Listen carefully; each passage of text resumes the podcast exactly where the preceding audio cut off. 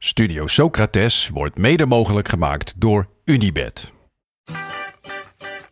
Há muito tempo você está no meu caminho. Como posso esquecer?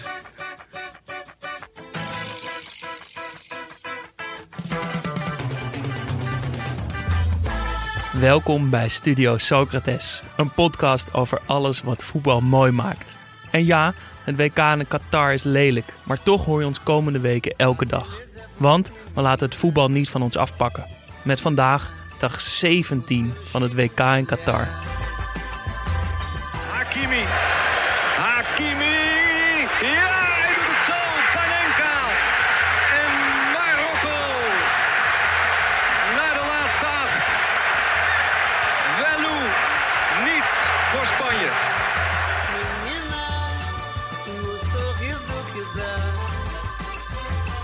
De kwartfinalisten zijn bekend.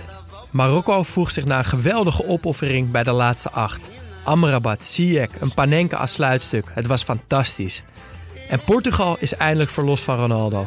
Zonder CR7 sprankelt het, flitst het en walst het met 6-1 over Zwitserland heen. Nog maar acht wedstrijden, Jasper. Nog maar acht. En komt opeens die finale wel heel dichtbij. Nog maar acht wedstrijden gewoon. vier kwartfinales, twee halve, een troost. En dan de grote finale. Ja, en Nederland zit er nog in. Marokko zit er nog in. Heel veel andere leuke landen zitten er nog in. Want wat krijgen we een Ja. mooie potjes. Engeland, Frankrijk. Oh, Ja. zin in. Nederland, Argentinië. Portugal, Marokko. Brazilië, Kroatië. Het is om te smullen. Ja. Ik ben blij dat ik er weer ben, Daan. Ja. Ik had eh, twee dagen lang volle Sinterklaas-stress, kan ik wel zeggen. Ik was benieuwd of je hier met een mijter en een, en een, en een hoed op aan zou komen. Nou, zo voelde ik me op een gegeven Ja. moment wel. Maar het was super superleuk. Hele mooie gedichten gehoord. En, eh, En jij was het, hè? ik weet van niks. Het gedicht. ik kan je nooit verklappen. Nee, ik Eh, ben blij dat je er weer bent. Ik ben ook blij dat ik gewoon weer voetbal kan kijken en niet meer hoef te dichten. Ja, fijn. Ehm, ja, voordat we dan naar die wedstrijden van vandaag gaan, want het was eh, ja, echt geweldig. Wil ik het toch nog eerst eventjes hebben over eh, Ronaldo, de voetbalboeddha. Ja, Want hij sloeg weer toe. ja, ik heb het gezien. Hij, hij, hij doet interviews na de wedstrijd. En dit keer niet met Rodrigo, maar met Richarlison. Jouw mannetje. Ja, en het was eh, zo mogelijk nog mooier. Want Richarlison was in tranen, letterlijk, van Ronaldo. Eindelijk ontmoette hij die. Ja, waarschijnlijk had hij hem al vaker gezien, maar toch. Hij stond daar en hij hield het gewoon niet droog. Eh, Ronaldo ging, ging hem interviewen en op het einde kwam natuurlijk ook weer dat moment dat hij ja, wat Ronaldo Magic van hem af probeerde te wrijven en op zijn eigen lichaam eh, terug smeerde eigenlijk. Het wordt echt een voetbalboeddha. Het wordt echt een voetbalboeddha. Nog steeds niet op de buik. Uh, maar ik vind het een, een, een, heerlijke traditie waarvan ik hoop dat hij er echt in blijft. Um, en ik moet, ja, ik moet het toch ook aan jou vragen. Hoe staat het met onze voetbalboeddha? Nou, leuk dat je het vraagt dan. Ik heb een cadeautje voor je. Echt waar? Nou, ik heb hem niet. Ik heb een. Uh, ik heb iets voor je gemaakt. Oh. Uh, ik ga het hier laten zien. Okay, en dan mag ja, jij je omschrijven zit, wat je, okay, je wat zit, je ziet. Voor de luisteraar, je draait nu je laptop om. Er komt nog niet iets uit een tas. Nou, ja. Jasper heeft, maar even wat je Jasper ziet. heeft een voetbal... Hij heeft een echte voetbalboeddha gemaakt. Wat ik zie is uh, Ronaldo in de kleermaker zit met een, uh, een geel gewaad aan met, met groene uh, lijnen aan de binnenkant en bij de mouwen. Ik zie die Mercurial Vapors aan zijn voeten. Zilver met blauw en geel. Uh, ik, ik, zie een mooie dikke buik. Bloot. Ja, je ziet bloot. zijn naveltje. Je ziet zijn naveltje. Ik zie het, uh, ja, het befaamde Ronaldo-kapsel. Ik zie een mooie oorbel ook in Brazilië kleuren. Een mooi wit gebit. Ja, en een wit gebit met een spleetje tussen zijn Ja. tanden. Want die heeft hij dus niet meer. Maar die moet de Die heeft hij, natuurlijk die wel... heeft hij weg die- laten werken. Ja, die zijn gewoon Oh. een heel strak wit gebit. Dus ik Jezus, heb er gewoon weer een, een streepje tussen Dit gemaakt. is hem gewoon hoor. Zo, zo moet hij eruit Ja, komen te zien. zo moet hij eruit. Op de achterkant moet natuurlijk nog R9 of 9 Ja. staan. En voor de rest zijn we er dan, denk ik wel. Dit is hem. Gaan we dit al delen op de socials? Jazeker, dit mag gewoon eh, naar buiten toe. Het, is een, eh, Oh. het is een schets, het is met kleuren en eh, Ja. met alles erop en eraan. Ik heb hem nog niet 3D, maar ik kon natuurlijk niet met lege handen aankomen hier. Nou, dit is echt gewoon precies hoe ik het voor me zag, maar dan nog iets vetter. Nou, Dankjewel. die gaan, eh, die, hij gaat eraan Ja. komen dan. Oh, wat leuk dat als mensen dit nu luisteren, dat ze snel waarschijnlijk naar onze Instagram gaan om te kijken of we hem al gepost hebben. Als je vroeg luistert, nog niet. Ik denk rond een uur of elf ongeveer staat Ligt hij eraan erop. hoe laat ik Ja. wakker ben. Oh, wat goed. ja, goed. Eh, genoeg over de voetbalboeddha. We gaan naar Panini Ja. toe. Eh, we hebben een pakje Panini kaartjes gekocht. Daar zitten er vijf in. En elke dag gaat er eentje uit. En maken we een nieuw pakje open. En komt er een plaatje weer terug in. Ik ben er natuurlijk twee dagen niet geweest. Dus er is heel wat gebeurd. Ons vijftal ziet er nu uit. Amrabat. Het glitterkaartje van Panini zelf. Frenkie. Chouameni en Enesiri. Twee Marokkaanse spelers. Het heeft geholpen. Het heeft Ja. geholpen. Ehm, dus Die ik hou ga je dat- erin ook, Ik ga ik. die er allebei in aan. Na vandaag zou het echt een, een eh, zou het illegaal zijn. Ja, zou dat het zou zijn. echt niet mogen. Dus je raadt het al, Panini zelf, Ja. het glitterplaatje. Het moet echt een keer uit, klaar zijn met die glitters eruit. Oké, Eh, en hopelijk een echt plaatje weer terug. nou dan gaan we het nieuwe pakje even bekijken. Ehm, Harry Wilson, linkspoot van Wales, goede speler. Eh Assis Behir, dat is die linksback van Australië, die best wel goed speelde tegen Argentinië. Christian Romero, Argentijn, eh, die Martinez uit de basis houdt. Waar ik altijd een beetje, vind ik een beetje gek, want Martinez is een bloedvorm. Ehm, de glitter van Brazil. Oeh, Dus dan kan je je, kijkt me meteen strak aan. ik denk nou. Eh, en Wataru Endo. Ja, Ja. speelde een goede wedstrijd voor Japan.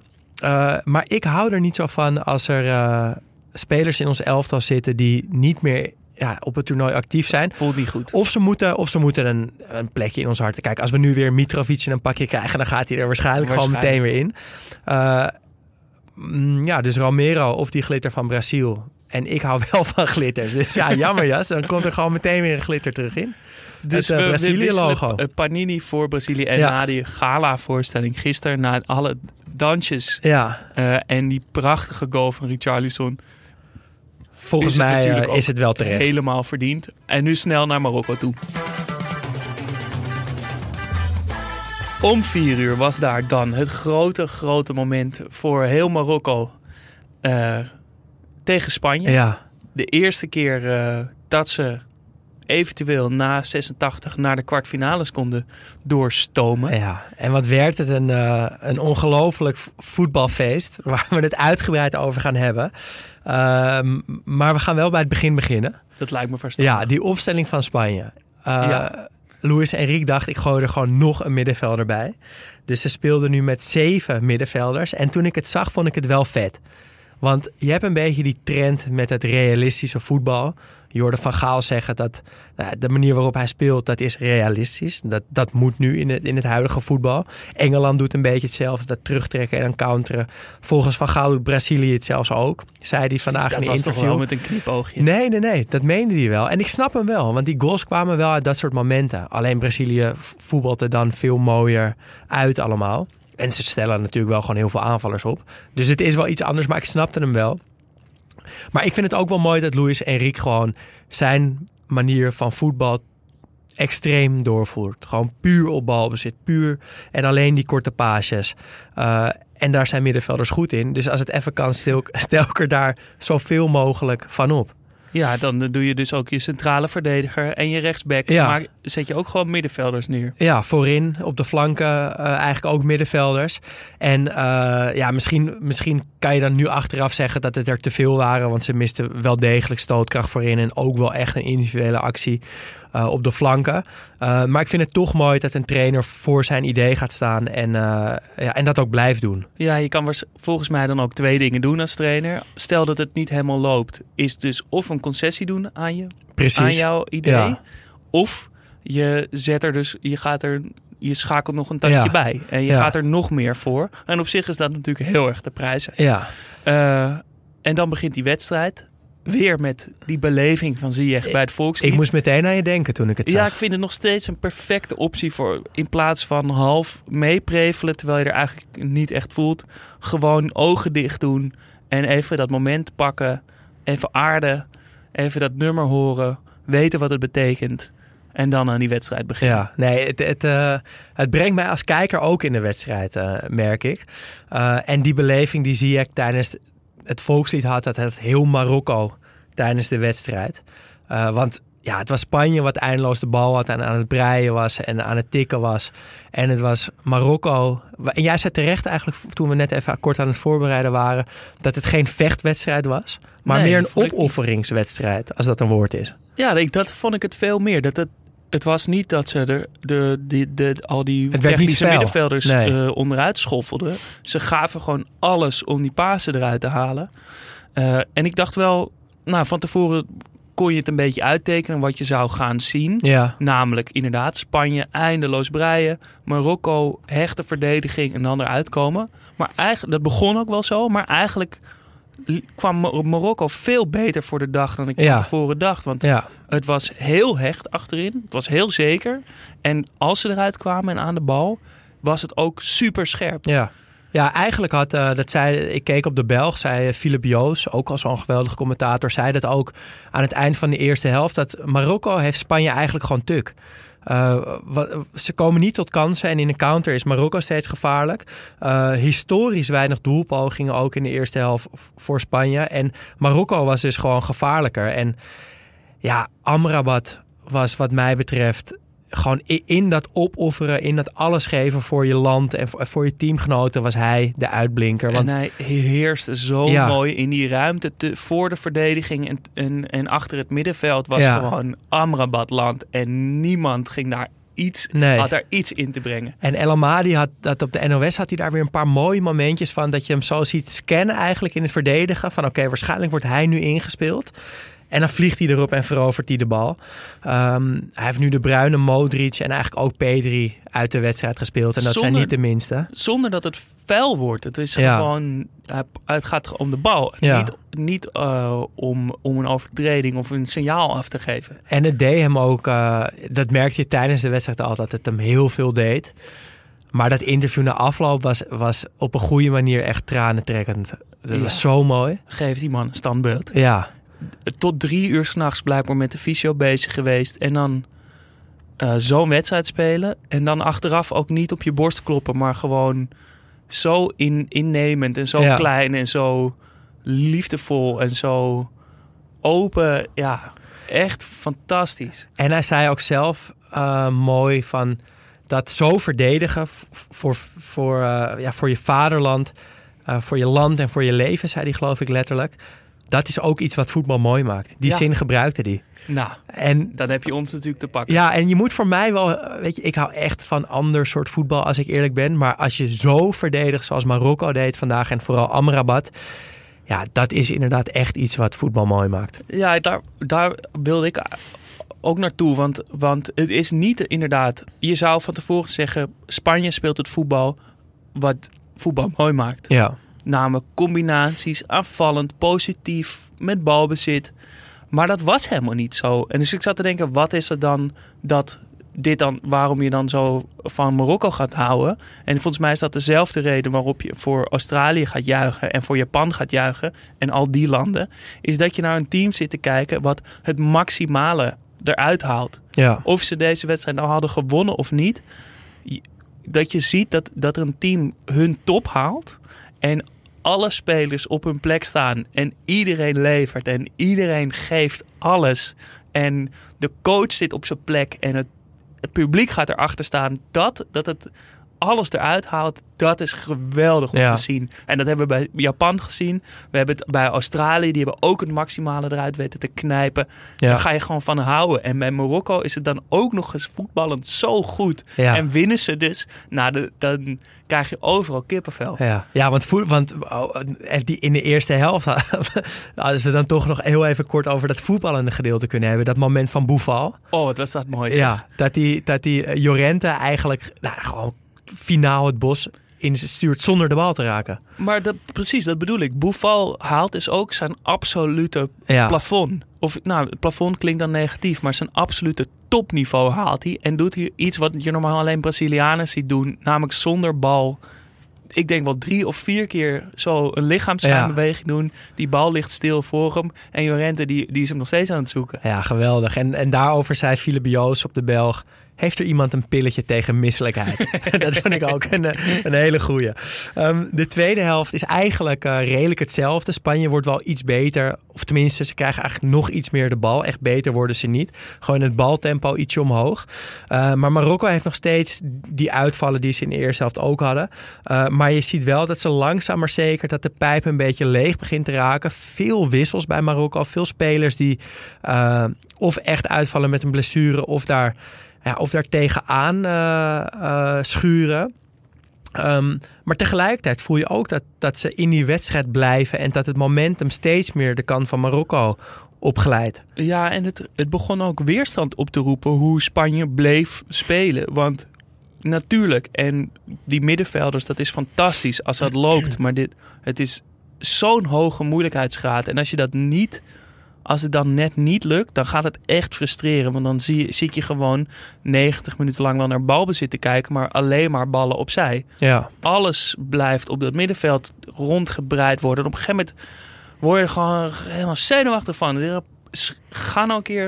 Het ja. is- ja maar dat, dat, sluit... Dat hele doelgerichte Ja. en verticale, daar, daar krijg ik dan opeens heel veel behoefte aan. Ja, maar dat sluit dan wel aan, denk ik, bij wat we net zeiden over Luis Enrique. Dat hij dan niet afstapt van waarvan hij denkt eh, dat het beste is voor Spanje. Maar dat hij daar gewoon een schepje bovenop gooit. Dus ook nu blijft Spanje dat gewoon doen.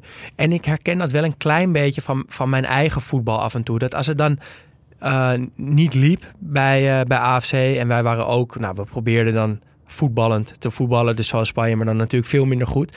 Dan werd ik juist heel gefrustreerd als we opeens lange Ja. ballen gingen spelen. Of als we opeens eh, heel veel haast aan de bal gingen hebben. Want dat is niet waar we goed in zijn. Dus ik vind die speelstijl van Spanje... Ik geniet er gewoon heel erg van. En het is na zo'n wedstrijd bijna vloeken in de kerk. Maar ik vind het juist heel mooi. Dat blijven zoeken. eh, dat, dat herkennen van, het, van, het, van die halve seconde dat je wel tussen de linies vrij kan komen. Eh, alleen dat is wel, ja, wat je zegt, die, die moeilijkheidsgraad ligt heel hoog. En als het dan net allemaal net te traag gaat, ja, dan ziet het er in één keer heel stroperig en saai uit. En dat is het dan ook. Ja, en ik, ik bedoel ook niet dat hij er van af moet stappen. Want ik, ik, ik, ik waardeer het ook in eh, Luis Enrique dat hij er dus al aan vasthoudt. Maar als kijker Ja, zou ik op papier zeggen: ja, ik hou van het voetbal. Wat, ik, ik zou het heel erg aanmoedigen en ik zou het te gek vinden als iemand dat durft. Eh, alleen ging dus langzamerhand steeds meer afkeer ja. krijgen van die opstellingen en van dat heen en weer. En het, nou, daar, ik had bijna een pilletje nodig voor uh, duizendheid. Want dat gaat hoor. Weer een rondje, een rondje, een rondje. Eh, dat vond ik wel raar om te merken. Ja, ja, en in het stadion en lang- langs, langs de lijn merk je ook wel dat dat, dat, dat soort type voetbal er nog. Dat zorgt eigenlijk nog meer voor dat, dat de sympathie naar Marokko gaat. Eh, was sowieso was dat het stadion weer bomvol met Marokkanen, wat echt een geweldige sfeer opleverde. Ehm, langs de kant, de trainer eh, sprong niet alleen op bij, bij gevaarlijke situaties of overtredingen, maar die hele bank. Af en toe stond de camera zeg maar zo schuin erboven en dan zag je ze zo opeens allemaal die banken uitstijven. Eh, was echt te gek. Ehm, op het einde nog een paar, paar vrije trappen aan, aan weerskanten die gevaarlijk werden. Eh, maar je voelde wel dat het verlengen ging worden. En dat was voor Marokko echt overleven. Want ze waren helemaal kapot. Het ultieme voorbeeld daarvan was wel Roman. Ja. Die volgens mij gewoon een verrekking of scheurtje in zijn hamstring heeft.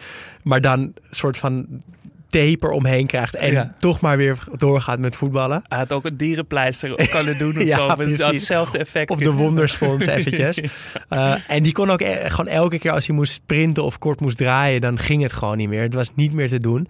Maar toch hielden ze het vol en kregen ze eigenlijk de grootste kans van de verlenging. Die Chedira, die spits die en heel traag was en eigenlijk ook steeds verkeerde keuzes maakte. Maar toch ook wel een beetje oorlog maakte daar eh, bij, bij die, bij die Spa- Spanjaarden achterin. Miste nog een, eh, een hele grote kans. Uh, en dan in de laatste seconde die bal van Spanje nog op de paal. Op de paal, ja. Alles deden ze- Daar ging opeens alles goed en ging die bal wel tussendoor en, en diep. En stak, stak Ja. hij er doorheen en kwam hij mooi vrij. En ja, het was, het was te pijnlijk geweest. Het was echt te pijnlijk geweest. En, want, eh, want ook als ze met penalties hadden verloren, was het oké geweest. Maar als, ze die, als Spanje die had gemaakt, was, wa- was, ja, was niet te verkroppen. Nee, dus wordt het, eh, wordt het eh, penalties. En dan, dan zijn eigenlijk misschien wel de mooiste beelden, vind ik, dat moment voor de penalties. Dat dus in dit geval Reguagui ehm, ja, zo'n cirkeltje vormt met zijn spelers. Hij zat laag, dat vond ja, ik heel mooi. leek wel op een koeler of zo. Nee, ja, ik denk dat hij op een... Op een eh, Of zij zat op een koeler, volgens mij. Die kon Nee, niet ze zaten staan. half naast elkaar. Ze zaten op, op zo'n kratje bidons volgens mij, die zo, dat zo omgeklapt is. Ja, het zag er gewoon al heel goed uit. Ja, en, en hij moest dus zo een beetje naar boven kijken. En al die spelers moesten naar beneden kijken naar hem. Eh, en eh, op dit soort momenten kan je volgens mij goed zien of, of zo'n trainer leiderschap heeft. Of ze naar hem luisteren. Of hij in the heat of the moment dat kan managen. En hij kon dat volgens mij heel goed. Ehm, bij Spanje deed, eh, was heel raar, deed Busquets het. Dus was eh Luis Enrique geen Veldweg te bekennen en was Busquets iedereen bij elkaar aan het halen en aan het aanwijzen wie de pingels moest gaan nemen. Eh, wat ook nog opvallend was, was dat ehm, op de Belg zeiden ze tegen de wetenschap in zijn de laatste zeven penalty-series gewonnen door het team wat als tweede neemt. Ja, Terwijl normaal is dat andersom, maar de laatste zeven keer dus niet. Toen won Marokko de TOS, eh, maar namen ze als tweede. dat was bizar, Ja. toch? Of ik weet trouwens niet meer zeker of zij de TOS wonnen, maar ze kwamen in ieder geval als tweede uit. En toen zag ik, toen zag ik erbij al hangen. Toen dacht ik, oh oh. Ik dacht, eh, ik, ik ben natuurlijk groot fan van Ziyech. Ja. Eh, ik dacht, die gaat hem nemen en die gaat missen. Dat kan niet anders. Ja. Ik wist het gewoon 100% zeker. Ehm, en die nam als tweede. En toen die erin ging, toen ging ik echt rustig zitten. Dacht ik, oké, Het komt wel het goed. komt goed. En we hebben nu toch wel echt twee bizarre penalty-series gezien. Ja, ja, want Spanje heeft ze alle drie gemist. Slecht ingeschoten. Maar ik moet ook zeggen, soms zie je een keeper op, op de lijn staan. En dan, dan heb je zelfs als kijker zoiets van... Ah, dit is toch best wel moeilijk om hem hier erin te schieten. En dat had ik echt bij Bounou. Want hij, was, hij is groot, hij is lang, hij heeft een goede reach. Ik vond het heel vet om te zien dat volgens mij was hij... eh, eh, zeg maar heel, wel, wel voor iedereen om te zien, maar in zichzelf aan het praten. Bij die aanloop en vlak daarvoor dat hij dingen tegen zichzelf aan het zeggen was. En lachen ook. Ja, dus ik dacht eerst is hij nou de tegenstander aan het afleiden. Maar toen dacht ik, nee, volgens mij is hij zichzelf moed aan het inpraten of zo. En het maakt dan denk ik ook uit dat die eerste penalty op de paal gaat. Maar Ja. dat hij daar wel ook bij Ja. zat. Ja, Dat is psychologisch denk ik toch ook eh, zwaarder voor, 100%. Voor, voor ze. ja en hij, want hij had hem gehad. Dus voor hem is het ook lekker. Ja, en dan, ja, dan gaan ze er gewoon allemaal niet in. Nee, ja, en wat over die, dat, die fluitconcerten bij die Spaanse spelers. Dan, dan, dan, helpt dat publiek wel. Ja, want dat rood is natuurlijk ook eh, de kleur van, van Spanje eigenlijk. Dus eh, visueel was het nog vrij moeilijk te zien. Maar qua geluid hoorde je echt dat het hele stadion voor Marokko was. Eh, ja, en dan komt het moment dat, dat Hakimi voor de beslissende penalty gaat staan. En die kent geen emoties. Echt, hoe dan? Hoe durf je dit te doen? Maar denk je Op dat een hij het echt positieve had, manier. Denk je dat hij het had bedacht van tevoren, ik ga een Panenka doen? Of denk je dat die keeper zo snel... Nee, op hij de heeft het 100% van tevoren bedacht. Ik Want die twijfel keeper alleen... ging wel snel. Zeker, het, het werd hem vrij makkelijk gemaakt. Maar ik, een, een panenka moet je van tevoren bedenken. Dat kan je niet eh, op het laatste moment. Volgens mij bestaat dat niet. Ik, ik twijfel alleen of hij het bijvoorbeeld al in de bus naar de wedstrijd toe bedacht heeft. Of misschien nog wel eerder. Of gewoon dat hij dacht, oké, ik ga straks, ik ga het straks gewoon doen. Ik doe Of het in zijn aanloop. Ja, nou ja, ik, nee. Ik, ik weet nog dat de, mijn allerlaatste penalty die ik dus miste. Toen is het ook door mijn hoofd gespookt. Ik wist, dit is mijn laatste wedstrijd. Ik heb nog nooit een pingel gemist. Laat ik hem gewoon stiften. Maar zelfs toen durfde ik het eigenlijk gewoon niet. En Dus dan, moet je je voorstellen dat je in een vol stadion... je kan je land voor het eerst weer naar de kwartfinale schieten. Dat je gewoon een panenka doet. Ja, het is, het is ni- niet te geloven. Dat gaat natuurlijk wel een stuk makkelijker als de tegenstander al drie gemist hebben. Ja, maar je zal Maar, maar... toch. Stel dat hij deze mist, dan kan dat hele momentum weer, weer omslaan. En dan... Nou, ik, Ik begrijp ook ta- eh, nog zijweggetje. Eigenlijk ook niet zo goed waarom eh, keepers in een penalty-serie toch gokken. Want je, er gaat er altijd wel eentje niet helemaal in de hoek. Ja, dat is waar. Dat dus gebeurt ik zou als keeper in zo'n penalty-serie, als je er vijf krijgt, toch gewoon altijd wachten. Ja, zodat je in ieder geval er eentje pakt die door het midden komt. die, die kans zit er altijd in. En anders dwing je ook spelers om dus een hoek te moeten Ja. zoeken. Terwijl ze er eigenlijk misschien niet zo, niet zo eh, zeker die van zijn. eh Unai Simon had er twee gepakt als hij dat had gedaan. Die van Ziyech en die van eh, Hakimi. En die laatste ook wel, ja. Maar ja, Hakimi maakt hem dus. En dan, ja, dan de absolute scenes. Zoals ze dat zo mooi in Engeland kunnen zeggen.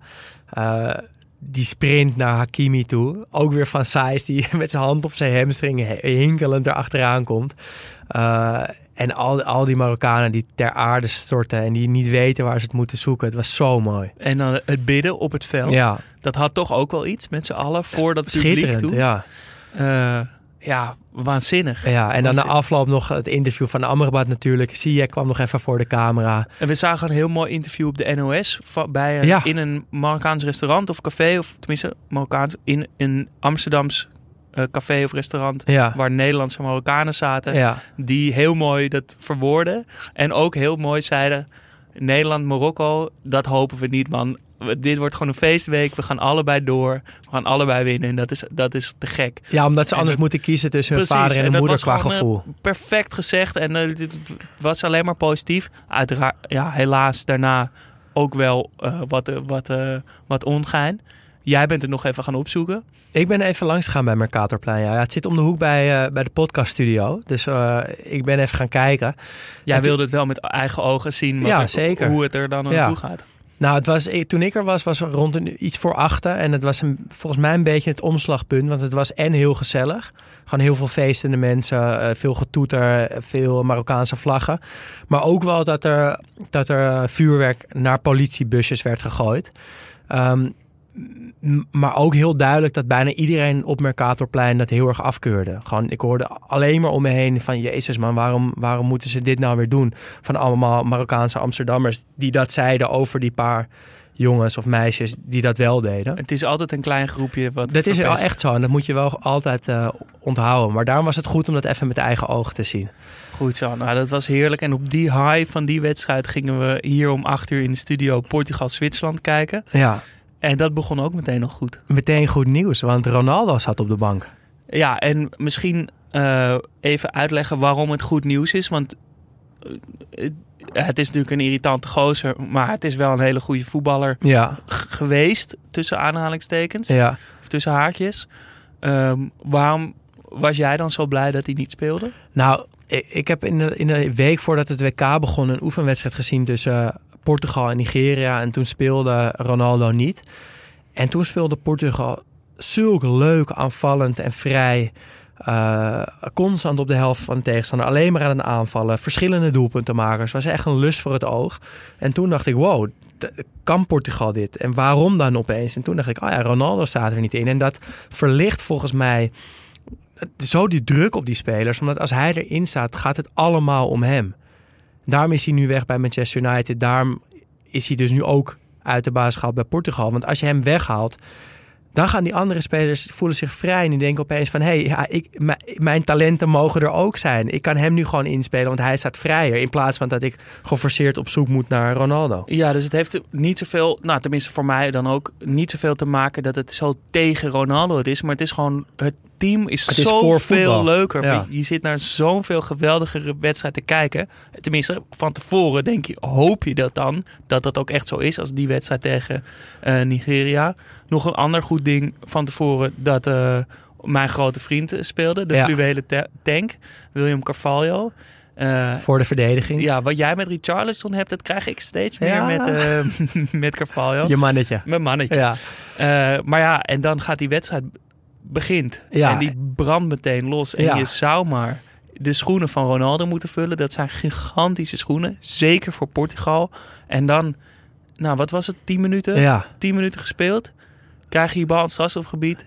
Draaien. Hij schiet hem gewoon in één keer zonder, zonder enige moeite. Het is echt- Keihard in de korte ja, hoek. Gonzalo Ramos, eh, spits van Benfica. Dat, ja, normaal zou je zeggen, hij mag er niet in in de korte hoek. Dat is een beetje die stelregel die, die je er altijd er zo op tafel kan gooien als hij er een keer wel in gaat. Maar ja, dit was onhoudbaar. Dit was zo hard en zo erg in die hoek en, ook zo onverwacht. En, ja. ja. Dat, dat, ja, deze kan je wel hebben, maar dat is echt een wereldredding. Dit was geweldig ingeschoten. En lijkt me ook zo lekker voor die trainer. Dat je meteen, Ja. ook als trainer, verlost bent van die Ronaldo-druk. Van je, oké, Ramos speelt, bam, hij, sch- hij schiet hem er gelijk in. Hij, hij beloont of hij bewijst het meteen voor je. Want Ja. het is natuurlijk een omstreden beslissing. Stel dat je er nu uitvliegt, dan ja, ja, dat, kan natuurlijk gaar. niet. En dan, eh, dan heb jij het gedaan omdat je Ronaldo niet opstelde. Ja, ja en dan maar ma- maakt die spitser vervolgens nog twee. En Ja. scoort hij gewoon een hat-trick. Iets wat Ronaldo nooit in de knock-out fase is gelukt. Dat is natuurlijk niet helemaal eerlijk om te zeggen. Maar het is toch wel heel lekker. Ja, ja, en het waren ook, die andere twee waren ook gewoon hele goede goals. Die, die, de 3-0 maakte hij ook eh goede spitsen goal. Dat hij gewoon eerste paal komt en hem intikt. Eh, en de 5-1 maakt hij ook met een ja, soort van klein stiftje. Op een goede paas van, eh van Felix. Die, ja, die trouwens ook geweldig speelde. Bij een hem zag ik, fantastische wedstrijd. ja, bij hem zag ik denk ik nog wel het meest. Van dat hij bevrijd was van Ronaldo. Ik zeg het niet graag, of niet vaak. Maar hij deed me dus een beetje aan Frenkie de Jong eh, denken. Aan hoe Ja. hij die bal ophaalde, nou, bijna op zijn eigen helft. En vervolgens met een lange rushes eh, het hele middenveld overstak. En dan iemand vrij voor de keeper zette. Ja. Hij leek echt inderdaad eh, ontketend. Ja, ja, aan de basis van de 4-0 assist bij de 5-1 geloof ik. En echt ontketend, echt bevrijd. En ja, heel, eerlijk is eerlijk, heel Portugal had dat gewoon. En de commentator zei het ook een paar keer van Portugal is lekker aan het voetballen. En dat was het ook. En zo kennen we Portugal ook helemaal niet. Het is altijd zo'n stijve, saaie, harde, stugge ploeg. Uh, maar eigenlijk net als Brazilië en Engeland hebben ze gewoon zoveel goede aanvallers. Dat als je daar gewoon een paar van opstelt, dat het meteen heel leuk wordt. Uh, Ronaldo kwam er toen uiteindelijk toch nog in, een kwartiertje of tien minuten. Ja. Ik vond het ook een fantastische keu keuze van ja, die trainer. Een meesterzet. Want je moet hem daar even inzetten. En dan, want hij heeft dan geen. Het staat 5-1. Hij heeft geen keuze om zich te schikken. Hij moet wel meegaan. Ja. Je zet hem eigenlijk schaakmat daarmee. Als je hem aan de kant houdt, kan hij een beetje. Kan hij zich afzijdig houden of zo. En nu wordt hij gedwongen met zijn neus op de feiten ja. gedrukt te worden. Van ja, Ronaldo. Nu zijn we lekker aan het voetballen. En dan komt hij erin. Dan gaat hij toch heel erg lopen zoeken. Meteen die vrije trap op eisen. Maar ja, hij kon het nee. eigenlijk. Hij wist ook wel, ja, shit. Ja. Ik kan het eigenlijk niet maken. Dus ik vond het fantastisch dat hij erin kwam. Ja, ja en het kan, het kan dan ook het kan zo snel gaan in het voetbal dan. Hè? Want Ronaldo tot een jaar geleden nog, nou ja, een van de beste. Messi, Ronaldo, altijd die discussie. Tot een week geleden nog basisspeler bij Portugal, aanvoerder, belangrijkste man. En na vandaag is er helemaal niemand meer die vindt dat Ronaldo in de basis moet staan bij Portugal. Nou ja, behalve misschien uh, en Van der Vaart.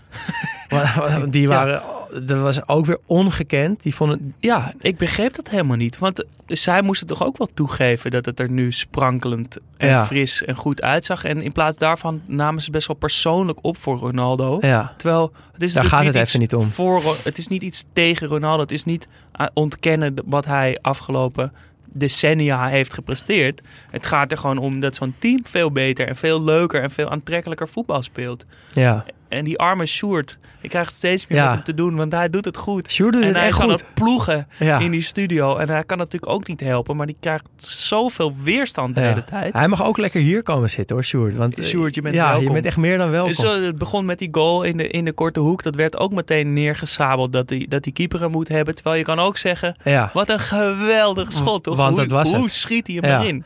Uh, ja, maar goed. Dat is zo een andere waarheid. En wij, uh, wij genieten juist van het elftal zonder Ronaldo.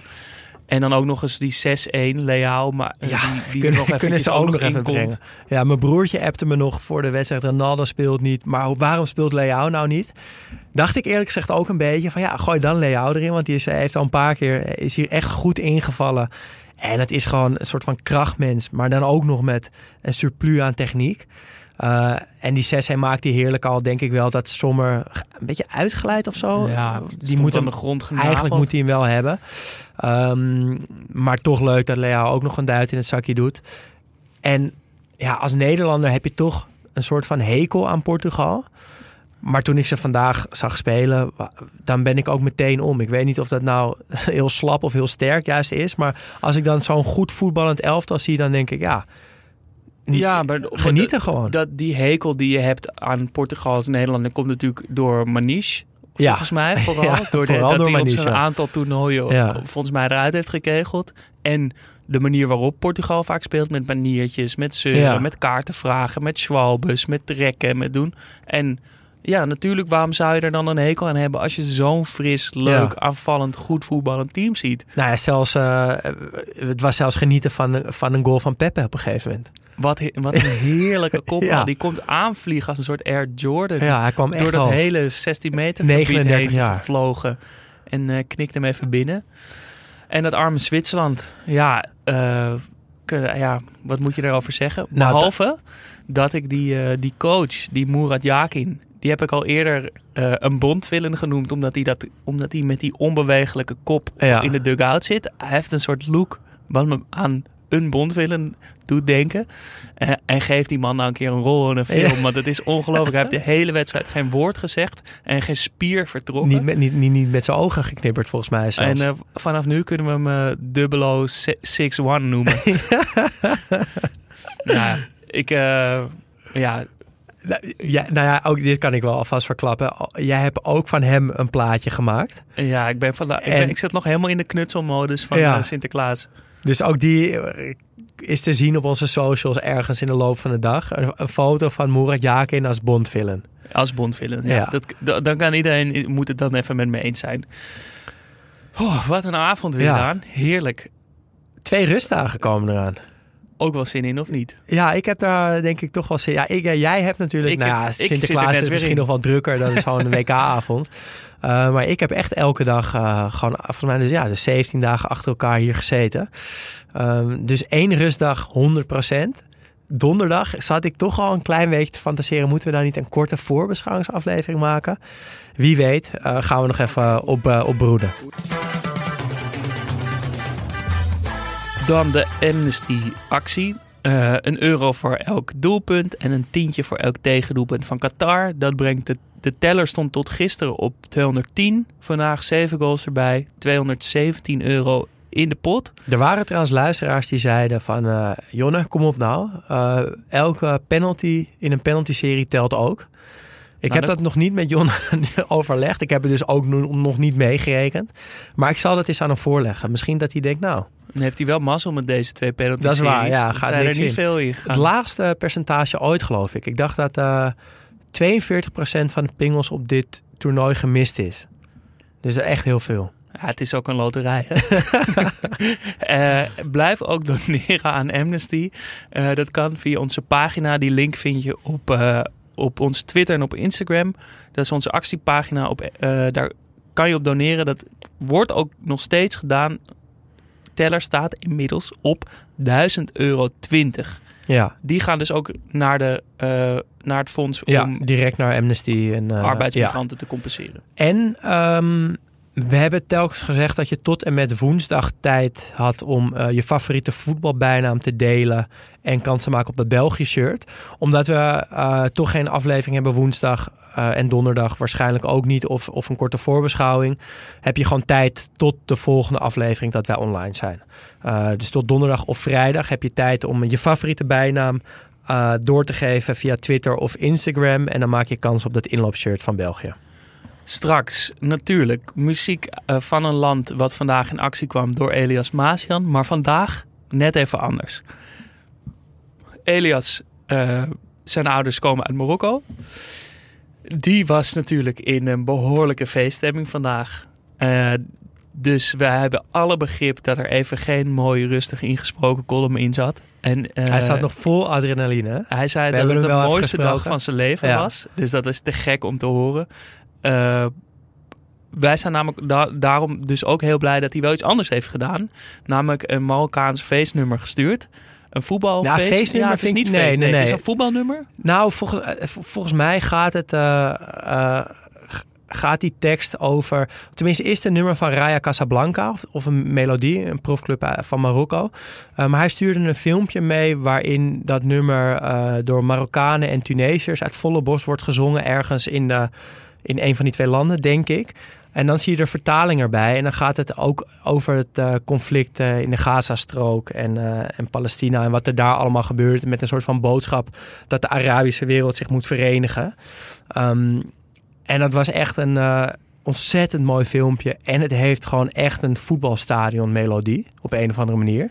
Als je hem hoort, wil je gewoon in de stand staan en dat uit volle borst meezingen. Ja, dus ik zal eerst eh, het, het geluid van dat filmpje laten horen straks na de afsluiting. En dan het nummer wat, er, wat ze zingen. Ja, en ik voeg hem weer toe aan de afspeellijst. Ik, ik was het een paar dagen vergeten. Hij is nu weer helemaal bijgewerkt. Ik zal hem morgen ook weer even delen op de socials.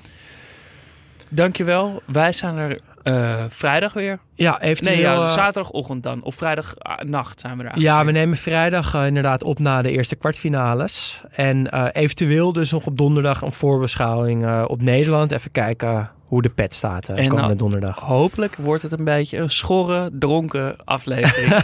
en anders een, eh, een hele rustige, snelle, korte sippen, ja. sippen aflevering. Dank jullie wel voor het luisteren. Geef ons vijf sterren op Spotify, Podimo, Apple of waar je dan ook luistert. Dat helpt ons enorm. En word vriend van de show. Dat kan al vanaf 2,50 euro per maand. Wil je meepraten? Dat kan via Twitter of Instagram. Studio-Socrates. Mailen kan trouwens ook. Ons e-mailadres is studiosocratespodcast.gmail.com.